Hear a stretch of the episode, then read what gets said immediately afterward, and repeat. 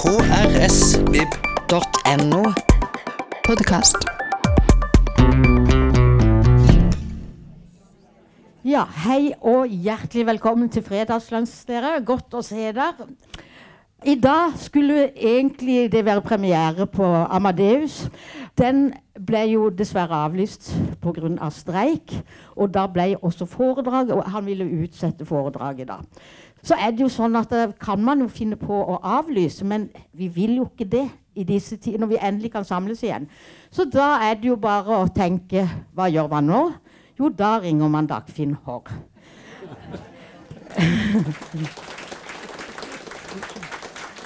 Og det viser seg jo da at han er en skikkelig tusenkunstner. For det han sier det, Mange vil jo da ha bare Ja, jeg har liggende et foredrag som pleier å slå an, liksom.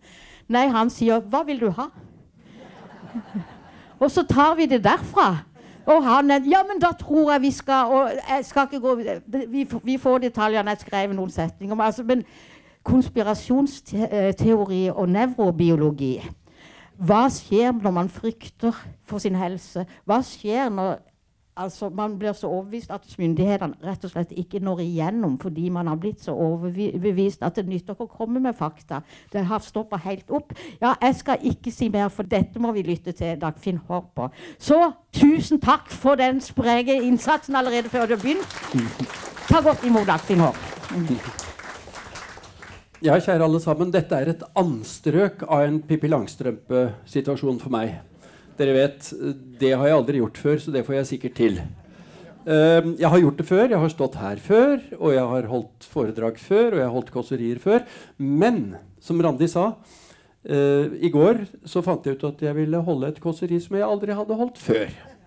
Så fra uh, vi snakket sammen i telefonen i hele fem minutter og ble enige om sånn cirka hva dette skulle handle om, så skrev jeg det, og det betyr følgende. Dette er et øyeblikkelig hjelp-kåseri, og det betyr at det er ikke helt gjennomarbeidet. Og det får dere bare tilgi meg for, i tilfelle dere opplever at jeg ikke virker helt gjennomarbeidet. Det hender at jeg ikke virker helt gjennomarbeidet sånn i det store og hele, men nå kan det kanskje være mer enn vanlig. For det andre så er dette kåseriet spekket med digresjoner, mer eller mindre saklige, fordi at jeg måtte jo skrive ned det som falt meg inn. Så det vil dere også oppleve underveis. at plutselig kommer noen digresjoner. Det kan hende når det blir en digresjon at jeg skal ta et par skritt til siden, så dere skjønner at det er en digresjon. Sånn, I tilfelle dere ikke oppdaget det av dere selv. Og det betyr også at jeg må bruke manus i større grad enn det jeg pleier å like. Sånn at uh, det er mye spennende nå for oss alle sammen. Vi starter. Uh, I serien Øyeblikkelig hjelp-opptredener har jeg også havnet her. Og da Randi ringte, var det jo ikke snakk om å si nei. Hun hadde meg egentlig på lur til november. Så nå har jeg allerede fått tatt det på forskudd. Det kan være like bra, tenker jeg. For det andre så uh, var det en annen øyeblikkelig hjelp-opplevelse uh, som rant meg i hu da vi snakket sammen. Og det var at på lørdag, på protestfestivalen, så ble jeg hasteinnkalt for å være uh, stand-in for Statens legemiddelkontroll fordi at han kunne ikke komme. Han lå på sykehus og hadde skadet seg. Så da havnet jeg plutselig på kort varsel i et panel. Og det panelet var ikke hvem som helst. Det var Julia, Julia Skreiner Benito. Det var flere her som var der. Jeg kjenner igjen flere fjes. Det var en veldig artig seanse, forresten. Hun er da redaktør for uh, nettmagasinet Helse, mat og livsstil. Som er litt alternativt, tror jeg. Så var det da Svein Østvik, den kjente Charter-Svein som jo har brent munnbind og greier. For det handlet jo om vaksineskepsis. dette. Og så på den andre sida så var det da i all beskjedenhet meg. Og så var det Robert Mood, general og Røde Kors-president. Fantastisk artig kar å, å, å, oppleve på nært hold. Og så var det altså simpelthen et stillfarende vesen fra Birkeland som heter Bjarne Bjorvatn. Som altså er en svær internasjonal størrelse når det gjelder vaksiner. Han er professor både i Bergen og så vidt jeg vet i Stockholm og i Nord-Korea. Det er han litt stolt over. Han får ikke lønn der, men han er det. Så han jobber, og han er 83 år og jobber som smittevernlege på sykehuset. Så vi var da dette panelet. Ok? Den neste øyeblikkelig hjelpeopptredenen det er for de som skal på festen til Musikkens venner i morgen. Da kommer det et kåseri som handler om musikk. Og det er tittelen 'Musikk og leveren. To sider av samme sak?' spørsmålstegn. Men det er i morgen på Håndverkeren. Så var det spørsmål så ville, altså, Du nevnte at det kanskje kunne være noe koronarelatert. Og så tror jeg vi alle sammen begynner å bli dyktig lei av koronaen. Så jeg dro litt på det, men så var det dette eh, vaksineskepsis eh, Altså denne, denne, diskusjonen på lørdag som da inspirerte meg litt. Fordi at det Det er klart at koronaen har jeg jo levd med. Jeg hadde jo den som hovedoppgave de siste seks månedene av karrieren. Eh, og da jobbet jeg veldig mye. 16 timer om dagen i veldig mange dager. Eh, og det, så jeg kan jo en del om koronaen, som alle her vet. Men vi er jo nå ved avslutning av pandemien. Nå, nå diskuterer man jo faktisk om man skal slippe, slippe, bremsene fullstendig. Nå blir det vel ikke til det. Det er litt for lav vaksinasjonsdekning, men det nærmer seg. Og det betyr i praksis at når det er gjort, så vil koronaen måtte, og angsten da har lagt seg tilstrekkelig, så vil koronaen på en måte bli en fjern tremenning av influensaen. Og jeg skal vedde på at det vi kommer til å oppleve i årene fremover, det er at vi vil bli tilbudt en koronavaksine sammen med lungebetennelsevaksinen og sammen med influensavaksinen. Fordi de, det vil alltid være litt endringer i viruset. Influensaen har jo endret seg fra år til år til år til år. Og vi er vant til å vaksinere oss hvert år, noen av oss av det. Så, det, så den alminneliggjøringen den gleder jeg meg veldig til. Den alminneliggjøringen er ikke kommet helt på plass ennå. Så har jeg, en liten, jeg har to små pandemidigresjoner. Det ene er at det vi har opplevd her i Norge, er jo altså at dødeligheten har gått kraftig ned. Eh, 800 pluss koronadøde. Det skal matches mot to ganger 900 influensadøde som aldri kom. Fordi vi har jo nå to influensasonger bak oss. Ingen influensadøde. Det var vel elleve tilfeller influensa som ble meldt i fjor i vinteren. Altså, det er helt dramatisk hvordan nedstengning, munnbind, eh, énmeteren, sprit, alt dette har påvirket folkehelsa. Det har også vært lavere dødelighet av hjerte-karsykdommer. Og det stemmer ganske godt med det mange forskere nå mener, at eh, akutt hjertesykdom, hjerteinfarkt, synes å ha en viss infeksjonskomponent. Det er ikke en infeksjonssykdom, fordi man må jo gjerne ha litt kolesterol og, og stygdom på forhånd, men, men, det ser ut til at det er en infeksjonskomponent i det. Så det er litt pussig å tenke på at vi har altså Og, og på sykehjemmene eh, Nå kommer den andre digresjonen. Vi, ha, vi, hadde jo i fjor vår noen ganske få, syv koronadødsfall på sykehjemmene. Og hver gang måtte ordføreren stå og uttrykke medfølelse med de etterlatte. Og jeg var såpass tett på ordføreren at jeg tillot meg å erte ham og si det. Du, det har dødd fem til ti ganger flere på sykehjemmene våre av helt andre ting. De skal ikke ha noe medfølelse, de. Og det er bare en liten sånn ta med hjem-greie at det media er opptatt av, det blir vi veldig påvirket av både på den siden, altså ordføreren, men også vi som mottakere. Og det gjør også at det jeg kommer til seinere, dette med risikovurderinger og sånt noe, det er i veldig stor grad en vanskelig en, en, vanskelig oppgave, fordi det er vanskelig i seg selv. Men i tillegg gjør ikke mediene det enklere ved å løfte fram noe som vi er bare pukka nødt til å respondere på som, som aktører i denne bransjen. Så tenker jeg også at pandemien har jo utviklet en fantastisk teknologi, vaksiner som ikke fantes kommersielt for to år siden, er vi nå helt vant til å bruke. RNA-vaksinen er bare en, et under.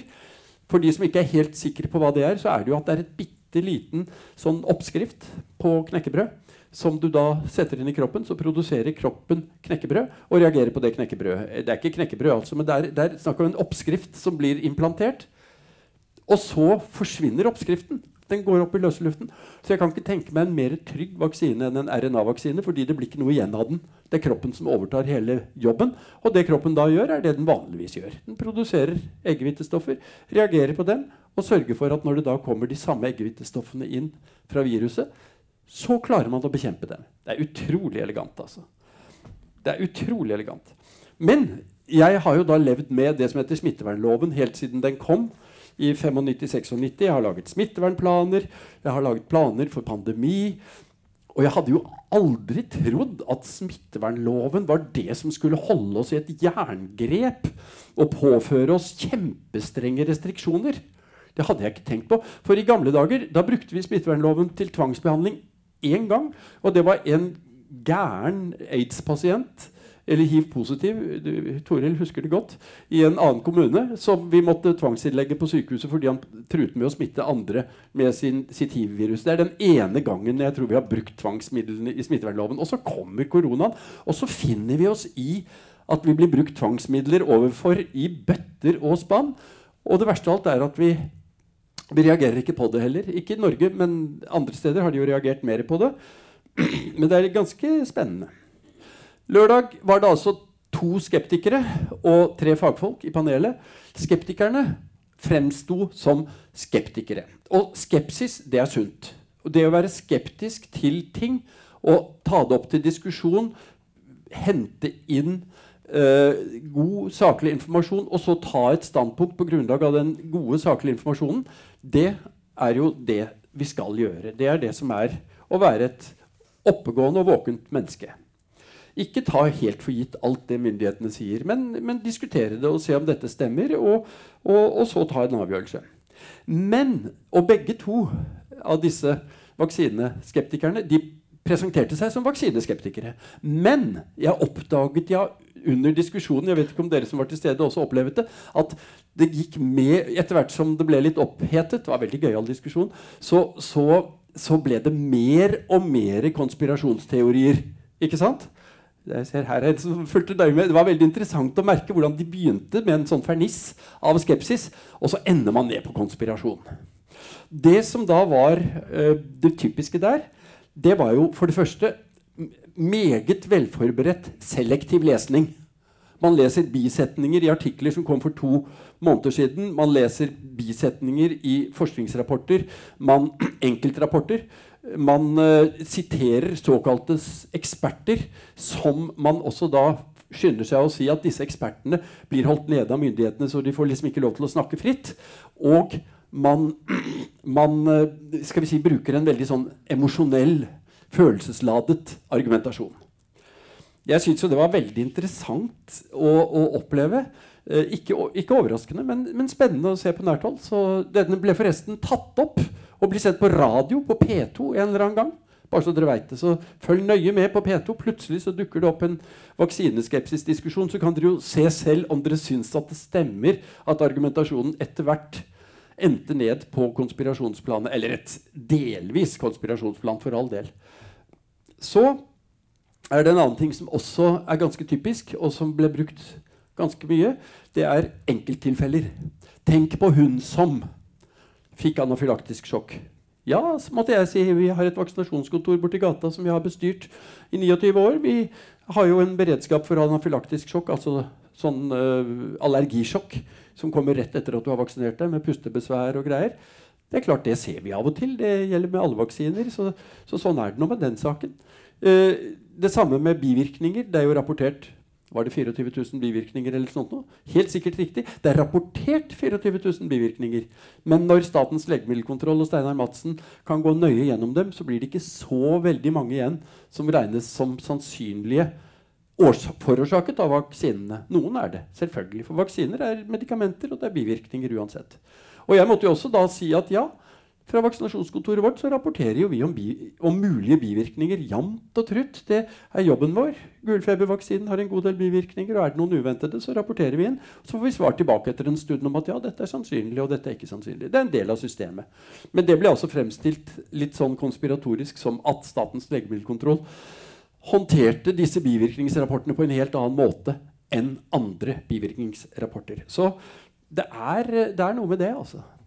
Men nå kommer det en digresjon til. I valgkampen det opplevde jeg også, der var det veldig mye enkelthistorier som, som politikerne dro fram.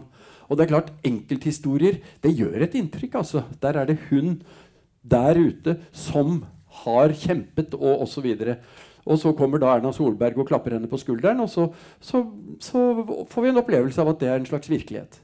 Tilsvarende er det jo, som, som jeg har opplevd uh, i min bransje forskningshierarki i medisinen er veldig klart. Det beste er sånne double blind, altså at du deler folk i to grupper, og så gir du den ene halvparten noe, og så gir du den andre halvparten noe annet, og så vet ikke hvem som har fått hva. Og aller helst skal du da krysse de to gruppene og sånn. Og så nedover så kommer du da til mer sånn observasjoner, og aller nederst på rangstigen så kommer det som heter kasuistikker, altså enkelthistorier. Problemet er at disse enkelthistoriene ofte i det medisinske verden er de som bringer verden videre. For det er typisk sånn hvis en eller annen doktor har oppdaget noe helt nytt, snublet over noe helt nytt, og så har han benyttet anledningen til å beskrive det, så kan det bringe verden videre. Nye sykdommer er stort sett blitt oppdaget på den måten. Og det er jo et dilemma, da, fordi at hardcore statistikk er liksom top of the pops, men samtidig er det enkelthistoriene som gjør mest inntrykk på oss, og som kanskje, i hvert fall i den medisinske bransjen, kan gi fremskritt. Så jeg skal bare si at det er ikke så enkelt. Så var det en påstand om vaksinene. Og det er sånne påstander som da ble altså Nå snakker jeg om igjen på Torvet. Nei, på Jens Bjørneboes plass eh, på lørdag. Eh, nemlig en veldig sånn bastant påstand fra han eh, Chartersveien om at vaksinene virker bare i et halvt år. Ja, det er jo både riktig og galt, det. Eh, hvis du måler antistoffene, altså de stoffene som kroppen produserer når den blir utsatt for disse her proteinene som vi som sagt lager sjøl, så er det klart at nivået av disse antistoffene vil gradvis gå ned. Det gjør de etter absolutt alle vaksiner. det. Men det er bare halve sannheten, og det er typisk en halv sannhet. fordi den andre halve sannheten det er jo at kroppen produserer hukommelsesceller, T-lymfocytter, og de husker i mange mange år. Og Det betyr at effekten av vaksinen står ikke og faller med antistoffene. fordi disse hukommelsescellene, de, hvis det kommer et virus inn i kroppen, de vil bare Så er de der med en gang. Så, så, vi har en god beskyttelse lenge etter et halvt år, sannsynligvis de aller fleste av oss. Fremfor alt en god beskyttelse mot alvorlig sykdom og død. Men det er litt sånn interessant at, at Og det, det, interessante også er at sånne påstander, som er litt, litt på siden og ikke helt riktige, veldig vanskelig å imøtegå. Altså. Fordi de blir fremsagt med med følelser, med emosjoner. Og så skal vi da litt tørre folka sitte der i sofaen og prøve å si ja, men du skjønner det at det er noe som heter T-lymfocytter, og derfor så er det ikke helt sånn. Det er vanskelig å imøtegå emosjonelle, delvise sannheter. Og jeg kan trygt si at våre to skeptikere, skråstrek konspirasjonsfolk, fikk mye mer applaus i teltet enn det vi fagfolka fikk. Det, dere som var til stede, merket helt sikkert det. Jeg frydet meg over det, for det er så typisk. Akkurat sånn er det. Så Det er veldig interessant. Så ser man jo da altså f.eks. etter svineinfluensaen, som jeg tar som et eksempel på det med hukommelse. For normalt er det jo sånn at uh, influensavaksinen gir antistoffer som varer den sesongen. Punktum. Men det rare da svineinfluensaen kom, det var at eldre folk var ganske beskyttet uten å være vaksinert. For vaksinen kom jo etter hvert. Eldre folk var ganske godt beskyttet mot svineinfluensaen. Og det var lite alvorlig sykdom blant eldre folk. De som havnet på respirator, det var veldig unge folk. det. Og det fortsatte i sesongene etterpå uten at det sto i avisen. Faktisk Året etter 2009, da svineinfluensaen var, da var det flere på respirator på sykehuset her oppe enn under svineinfluensaen. Men FVN fikk gudskjelov ikke tak i det. Og dermed så gjelder det ikke. Dermed er det ikke sannheten. Først når du leser det i avisen, er det sannheten. Men, Og hva kom det av? Jo, det er akkurat det jeg snakket om nå. Vi, det er helt åpenbart at den eldre generasjonen har vært utsatt for noe som ligner på svineinfluensaviruset. Og kroppen har da utviklet en hukommelse mot noe som ligner på svineinfluensaviruset. Og det var faktisk tilstrekkelig til at man ikke ble syk av svineinfluensaviruset. Parallellen til koronavaksinen, som jo virker best mot den uh, varianten som ikke lenger har, Wuhan-varianten, men det, den er god nok til delta-varianten også, nettopp fordi du har den litt breiere hukommelsen. Det var for så vidt nok vaksinepreik. Bare forkjølelse. Når man har et rødhåret barnebarn på to år som har kommet seg i barnehagen, så blir man forkjølet. Sånn er det bare. Men så er det jo da dette med vaksinemotstanderne, og særlig i USA, som vi har lest mest om i avisen, hvor vaksinemotstanderne tilsynelatende er som du sier, Andy, fullstendig inerte, fullstendig upåvirkelige av noe som minner om fornuft. Og all saklig informasjon ser ut til å bare prelle av. Men dette er skikkelig hodepine for myndighetene, som dere har sett. ikke sant? Joe Biden går nå ut og sier at alle skal vaksinere seg hvis de vil jobbe i offentlig sektor. altså sånne ting som er helt utenkelig i Norge. Så i Guds frieste land, der kan man virkelig kreve ting av folk som vi ikke kunne krevet i Norge.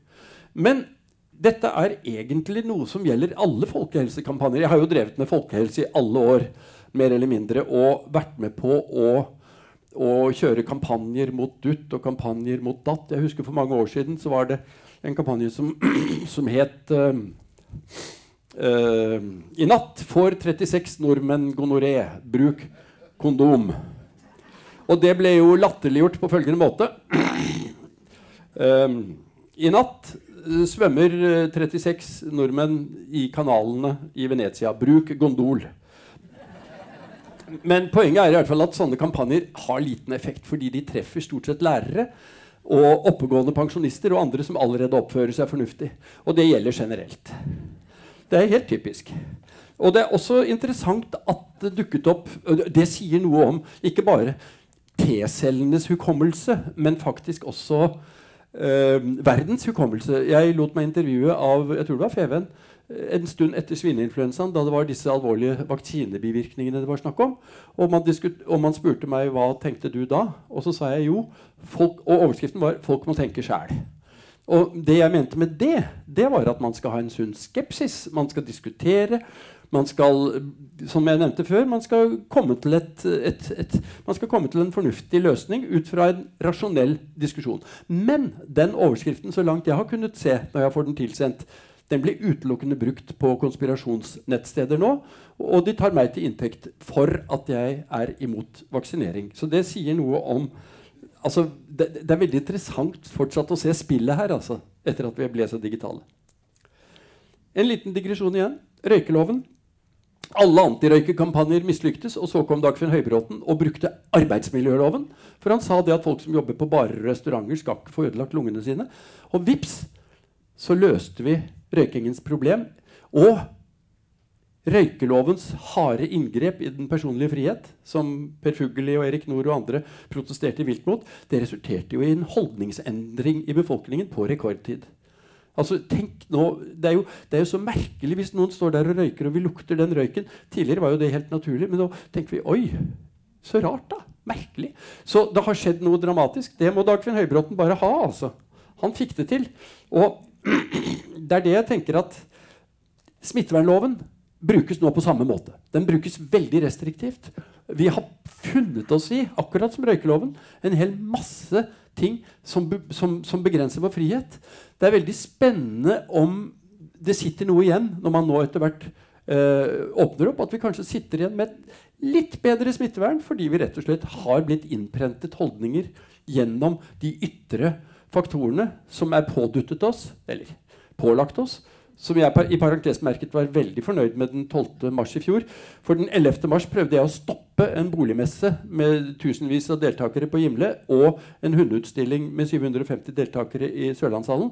Den 11. mars den, onsdagen, og jeg fikk det ikke til, men den 12. mars så stoppet Erna. Så gudskjelov. Altså Smittevernloven kan brukes til mye Ja, også. Men poenget er i hvert fall at det er en viss parallell mellom røykeloven og smittevernloven. Det kan ha noe med hverandre å gjøre. Så lurer dere på hva i all verden har dette med konspirasjonsteorier å gjøre, og svaret er ingenting. Det er dette jeg sier med at dette er et, uh, dette er et kåseri som, som, på en måte har med mye, og som kanskje ikke har den strukturen dere ville trodd. Men nå kommer det. Jeg vil bruke resten av tiden Ja, hva er resten av tiden, Randi? 20 minutter? 25 minutter? eller noe sånt? Ja. Vi får se. Eh, jeg snakker jo fort, så det kan hende at det går bra. Eh, altså, Da tenkte jeg å diskutere litt mer ordentlig hva dette med sunn skepsis kontra konspirasjon, hvor det ligger hen, og hva dette er. Jeg har tre innfallsporter til dette. Siden jeg er så opptatt av hjernen, som alle sammen her vet, så begynner jeg med hjernen. Hjernen vår den er jo en fantastisk affære. Det er den mest fullkomne greie som er blitt skapt. Den er helt utrolig. Fra unnfangelse og til død så, så er hjernen en helt ubegripelig fantastisk sak. Og, og, og, man blir bare mer og mer ydmyk jo mer man lærer om hjernen. I grove trekk, så når det gjelder dette vi skal snakke om nå, så er det jeg snakker om hele tiden for øvrig, så er hjernen delt i tre etasjer. I bånn har du krokodillehjernen, reptilhjernen, den delen av hjernen som vi deler med nesten alle andre dyr, også krypdyr. Og den delen av hjernen bruker vi når vi skal overleve. Det er fight and flight.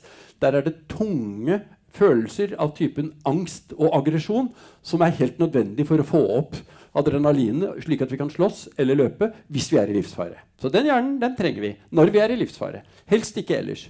For da blir det bare tull. Eh, det er det som er litt dumt. En digresjon jeg ikke har skrevet opp. For hvis du er veldig alkoholpåvirket, så vil jo disse koblingene mellom de forskjellige etasjene, altså heisen mellom etasjene, vil jo da stå. Og plutselig har du bare igjen denne reptilhjernen, og så kan det hende at du slår noen i hjel. Uten å ville det.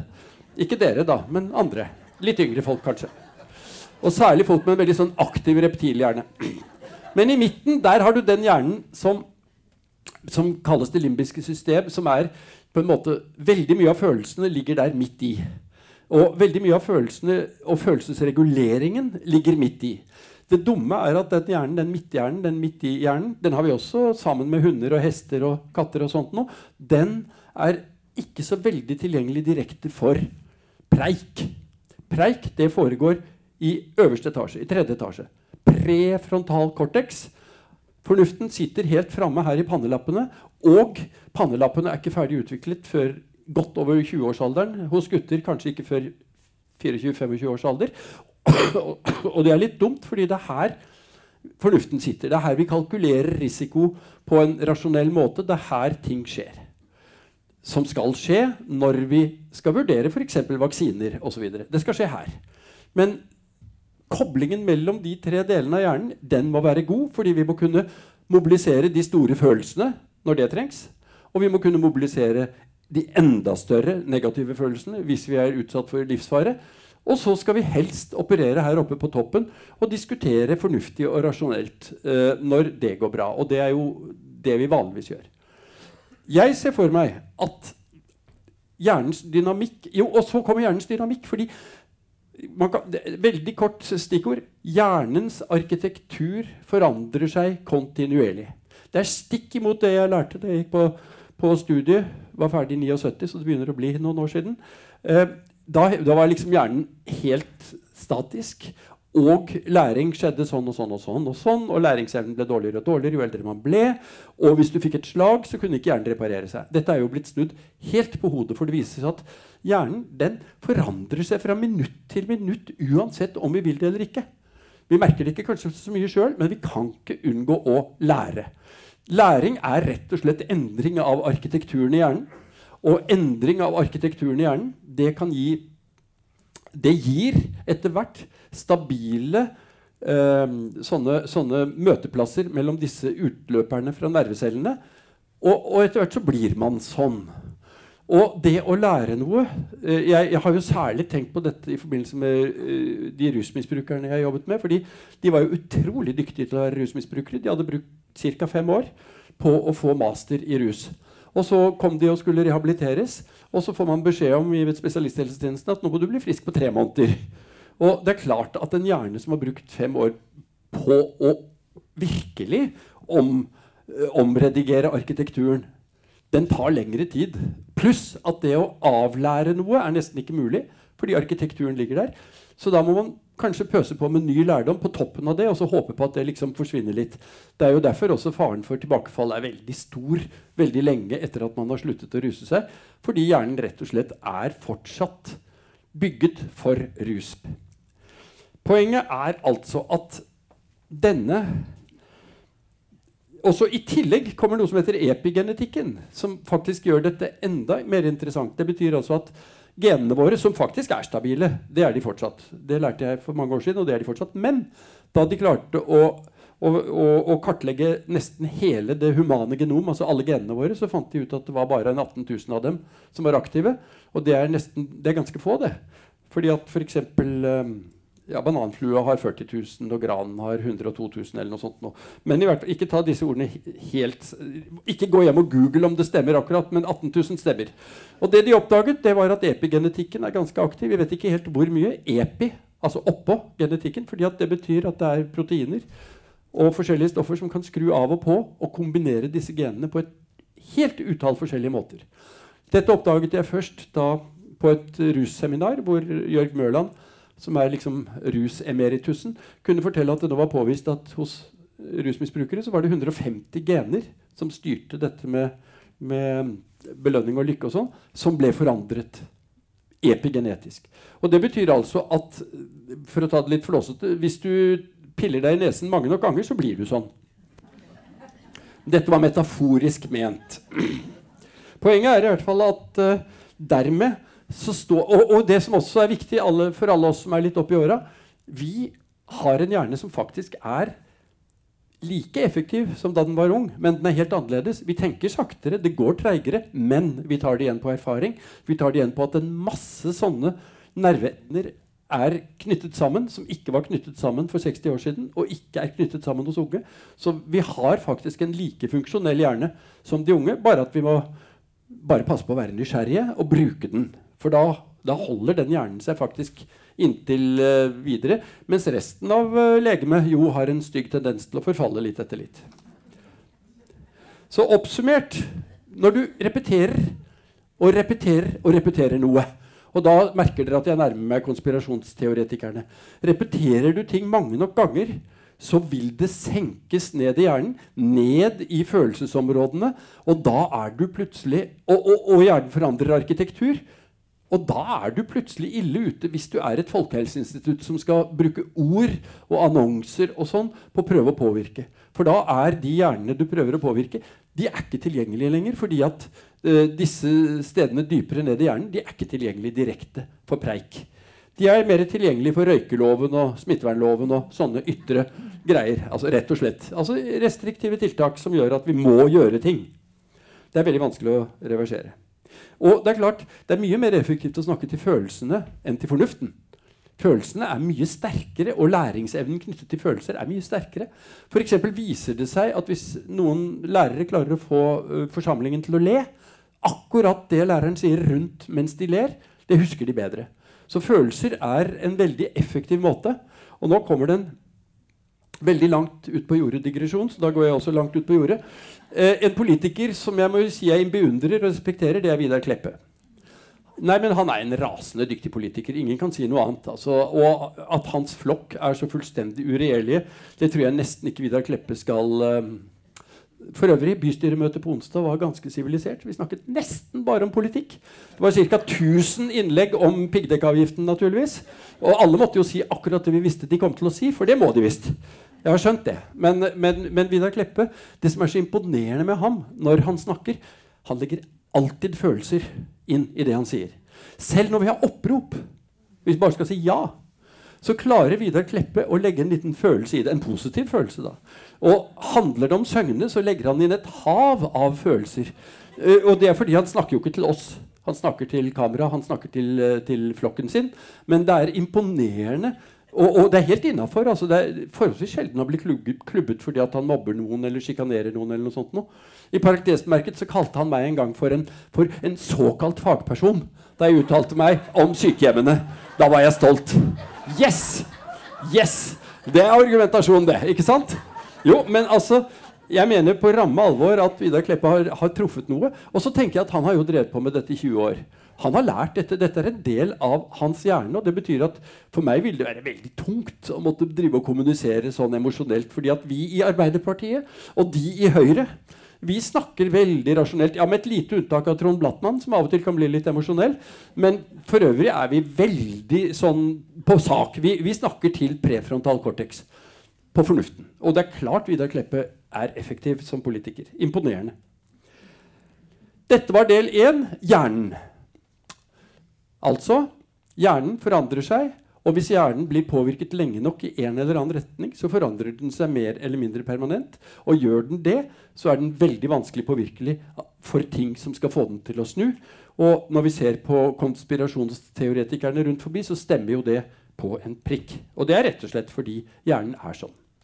Del to handler om noe som vi altså opplevde i teltet også. Veldig interessant. Hva, hvordan er det vi mennesker klarer å vurdere risiko. Dette er jo noe jeg som doktor har gjort i alle år med legemiddelindustrien, som sier at ja, dette medikamentet er 30% mer effektivt enn dette medikamentet osv. Masse statistikk, masse måter å snakke på som er vanskelig tilgjengelig fordi vi er mennesker. Opprinnelig, Jeg syns ikke Vår Herre var så god der, og det er det flere som også mener. at akkurat det med å vurdere risiko det er vi ikke veldig gode på sånn intuitivt. Det krever jobbing å vurdere risiko. Eh, for mange år siden var jeg på et kurs hvor foreleseren sa det at det er bare to grupper av mennesker som har en realistisk vurdering av risiko. og Det er eh, deprimerte mennesker og langtkommende kreftpasienter. De reagerer, re, vurderer risiko realistisk. Alle vi andre vi er overoptimistiske, sa han. Men det der må modifiseres ganske kraftig. Og det kan modifiseres best ved å gå på biblioteket og låne en praktfull bok av Daniel Kahneman som heter 'Tenke fort og langsomt'. Det er sikkert noen i forsamlingen som har lest den. Den er virkelig en sånn eye-opener, øyeåpner, som vi sier på nynorsk, som, som handler om hvorledes hjernen vår fungerer nettopp når den møter behov for å vurdere risikoer. Eh, og det den, det den boken han, Artig kar. altså Han er jo da skrekkelig jødisk og eh, fikk nobelprisen i økonomi, selv om han da er psykolog. Fordi han nettopp ser hvordan ikke sant, Hele økonomi er jo snakk om risikovurderinger som ofte blir fryktelig gærent, jf. finanskrisen i 2008 osv. Så sånn at han, han, har jobbet med hvordan vi egentlig tenker, og hvordan det da går veldig gærlig. Og den boken er lettlest som bare det. Det er en sånn blyant utenpå den. Den boken, Hovedpoenget der er at vi har to deler av hjernen. Den ene delen av hjernen det er den vi bruker til daglig den bruker lite energi. Og den tar avgjørelser på løpende bånd på et mer eller mindre sviktende grunnlag. Og dette gjelder allting i verden, altså. Dette gjelder veldig mange forskjellige ting hvor man da ikke bruker tida til å tenke seg om, men hvor man rett og slett bare gjør ting. Går på automatikk.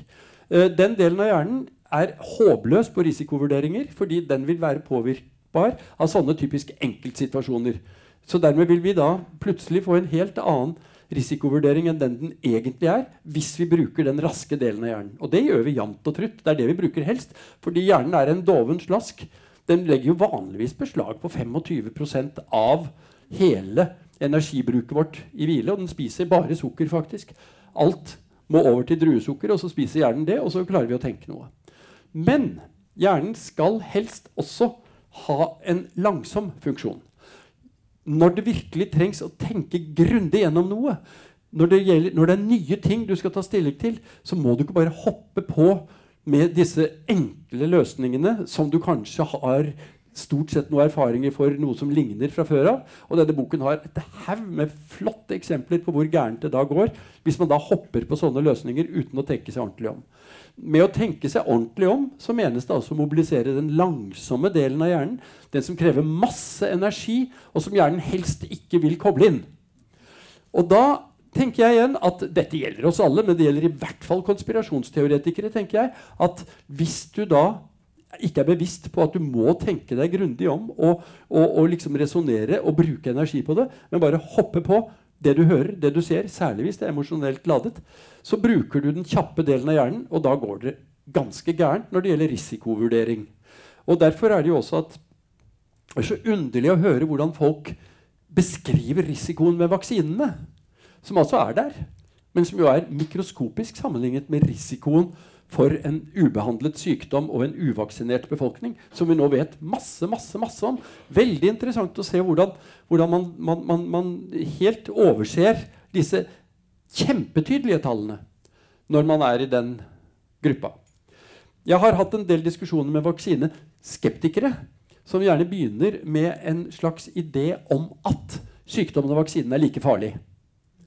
Du har en skålvekt sykdom, vaksine og så vipper den kanskje litt opp og ned. Og så kan du liksom velge eh, å ikke vaksinere deg fordi det er likeverdighet. Men det er jo ikke riktig. Vaksinene er jo lysår foran når det gjelder å beskytte oss.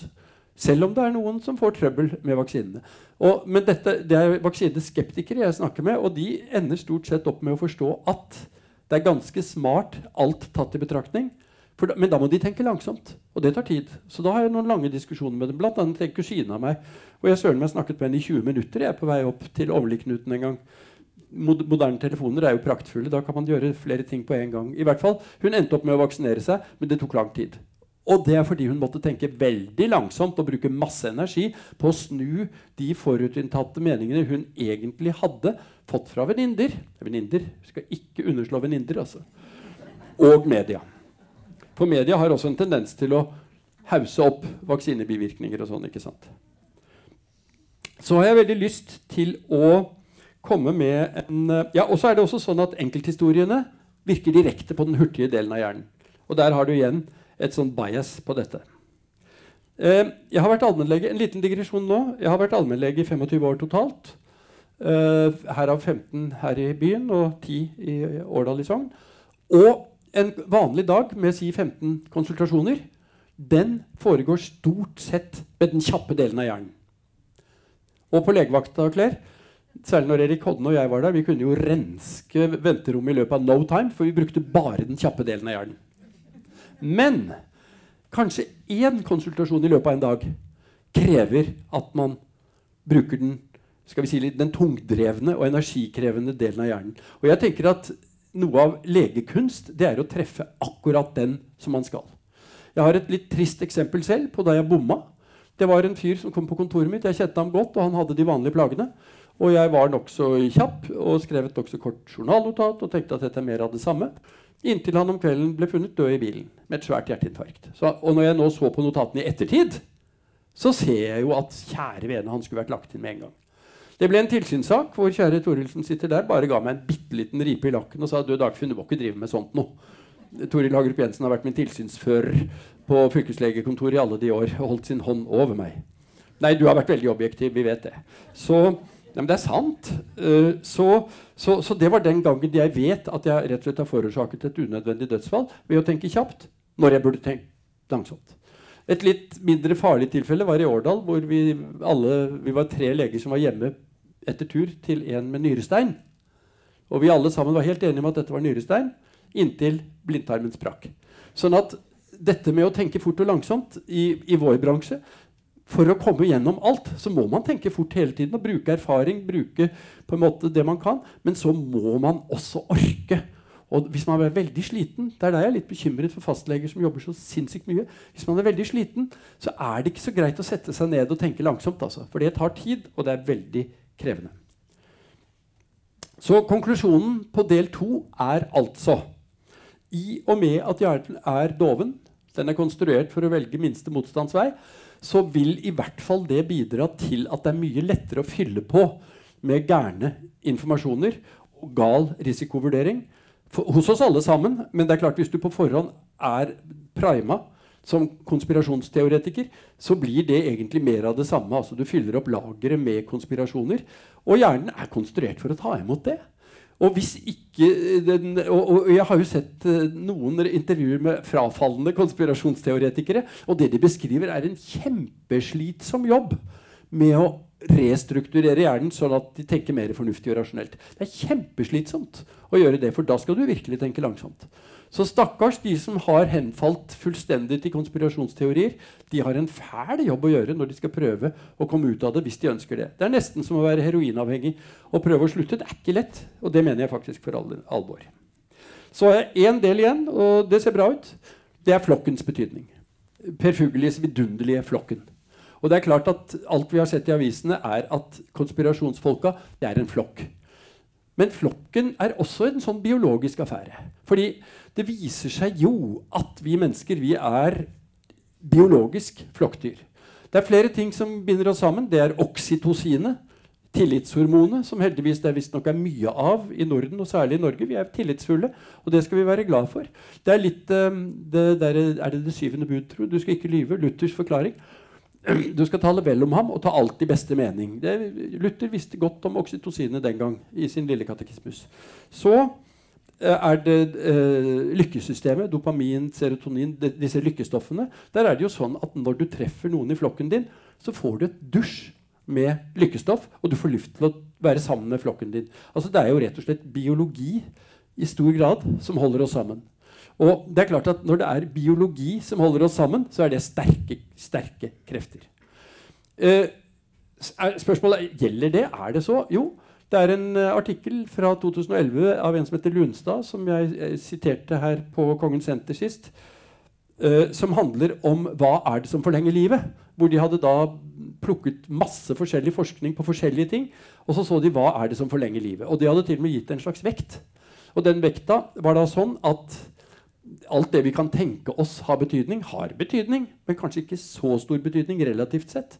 Altså ikke røyke, ikke drikke, være passe vekt, eh, trene, eh, blodtrykksbehandling, ikke forurenset luft osv. Så altså sånne ting.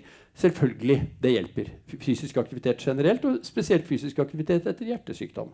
Men de to som kom på første og annenplass, syns jeg var talende, for det viser hvor sterkt det sosiologiske er. Sosialt samvær med den enkelte, altså type ektefelle, type god venn, type sånne ting, det kom på annenplass. Altså det forlenger livet å ha en nær venn eller en kjæreste eller en samboer eller en kone til og med, eller en mann. Ja da. ja da. Her er alt lov, bare det er tett nok. Bare det er tett nok. Um, og på førsteplass så kom det vi er nå. Det er rett og slett å inngå i det de kalte komplekse sosiale sammenhenger. Det betyr rett og slett å være et medmenneske ute i verden. Treffe andre mennesker. Forholde seg til andre mennesker. Kommunisere. Vi kommuniserer jo hele tiden med blikket. Vi, vi, kartlegger hverandre hele tiden, enten de vil eller ikke, for å se er det venn eller fiende. Er, og, så videre. og når da dopaminet kommer i tillegg, så er det klart at da er det sterke, sterke gravitasjonskrefter som holder flokken sammen.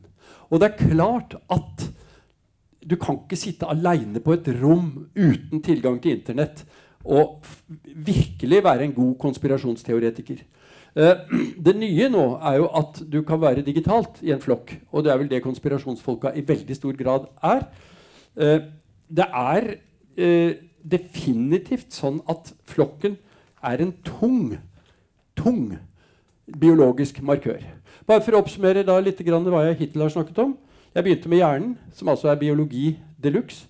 Så kom dette med å tenke fort og langsomt, som handler om risikovurdering og manglende risikovurdering. Og at det kan ta liv hvis man tenker fort når man burde tenke langsomt. Og så har jeg snakket litt om flokkens betydning. Kan jo også ta med et par små ting til som viser hvor viktig flokken er. Whitehall-undersøkelsen begynner å bli veldig gammel. Men da undersøkte de altså dødelighet og sykelighet på de fem sjiktene av byråkrater i det engelske regjeringsapparatet og fant jo ut at det var en direkte sammenheng mellom hvor du var på eh, rangstigen og sykdom og død. Så sjekket de for røyking og drikking og sånne ting. For man antok jo at de nederst på rangstigen levde dårligere liv enn de på toppen. Og så kompenserte man matematisk for det, for det kan man. Og likevel satt man igjen med sånn, så vidt jeg husker, ca. 10 uforklarlighet. Og den 10% uforklarligheten det tror jeg har nettopp med dette vi snakker om nå flokken. Så er det da Universitetet i Umeå for noen år siden som gjorde veldig god forskning på betydningen av kultur. Finkultur. Og det viser seg jo at når du da også prøver å korrigere for røyking og drikking, og alt mulig sånt, så er det en sånn 10% forlenget levetid på de som bruker aktivt kulturlivet. Og det kan også være bare å gå på konserter. Så med andre ord, det å være ute i verden sammen med andre mennesker, det er rett og slett livgivende. Og det, er, eh, det, forlenger, eh, altså det forlenger livet. Statistisk sett. Så kan man jo bli overkjørt av trikken i, i Dyreparken, og så var det ikke sånn. Men, men altså, det går an å se statistisk på at dette er det å være sammen med andre mennesker. Det er kjempesmart, og attpåtil er det sunt. Uh, Tilsvarende, har du en flokk med konspirasjonsteoretikere, så husk på at flokken er også Altså det er en bivirkning med flokken. For det er jo vi og de. Det ser vi jo veldig tydelig. Noen altså Veldig tydelig hos sjimpanser, men også hos oss. Vi har helt klare sånne vi og de-flokker. Nå er det jo ikke så mye som det var før, men altså blodtørstige vendøler var vi jo redde for før jeg flyttet til byen. På fredagen når vennedølene kom. Jeg har hatt en rekke pasienter fra Vennesla, jeg elsker vennedølene, men du verden hvor blodtørstige de kan tenke seg å være hvis de flokker seg sammen mot oss. Særlig folk som bor på Lund, naturligvis. Sånn at, for det er vel ekstremene. ikke sant? Det er jo der eiendomsprisene våre er høyest, og eiendomsskatten er høyest. Um, I alle fall, Det med flokk er, altså, det er et tveget sverd, det også. Det er en forside og en bakside, og jeg ser for meg at konspirasjonsbiten det er baksiden av flokken.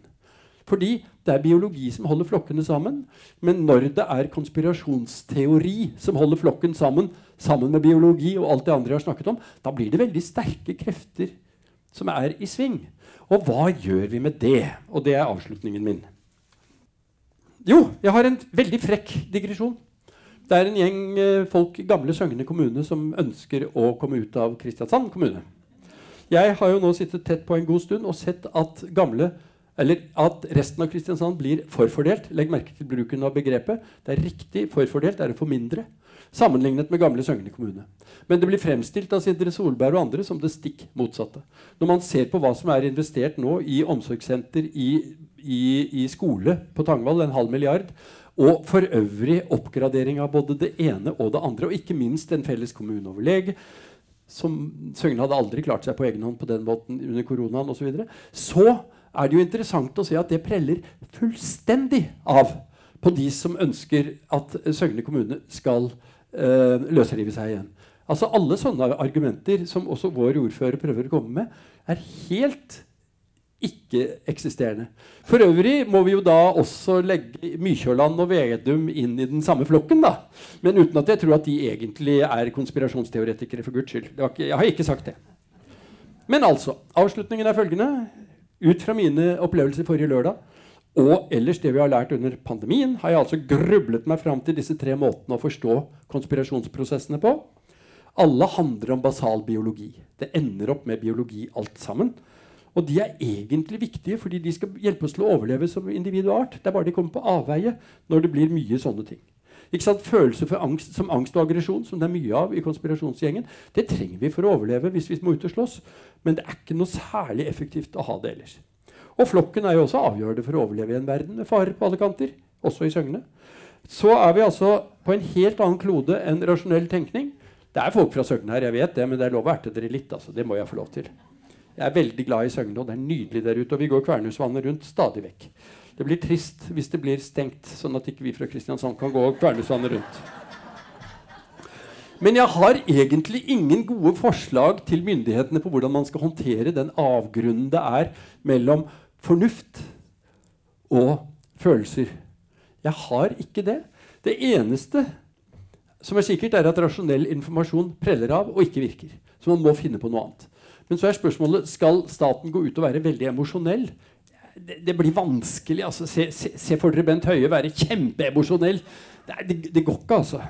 Og da tror jeg vi ender opp med røykelovens prinsipper, som jeg nå har nevnt flere ganger. Det blir rett og slett restriktive tiltak og tvang som må brukes.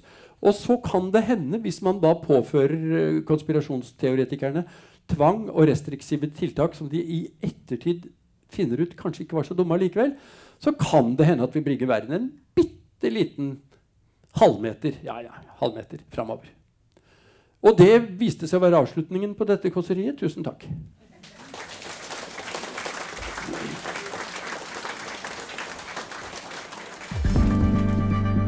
Flere podkaster fra oss finner du på Google Podkast, Apple Podkast eller iTunes, eller ved å stikke innom vår hjemmeside på krsbib.no. krsbib.no podkast.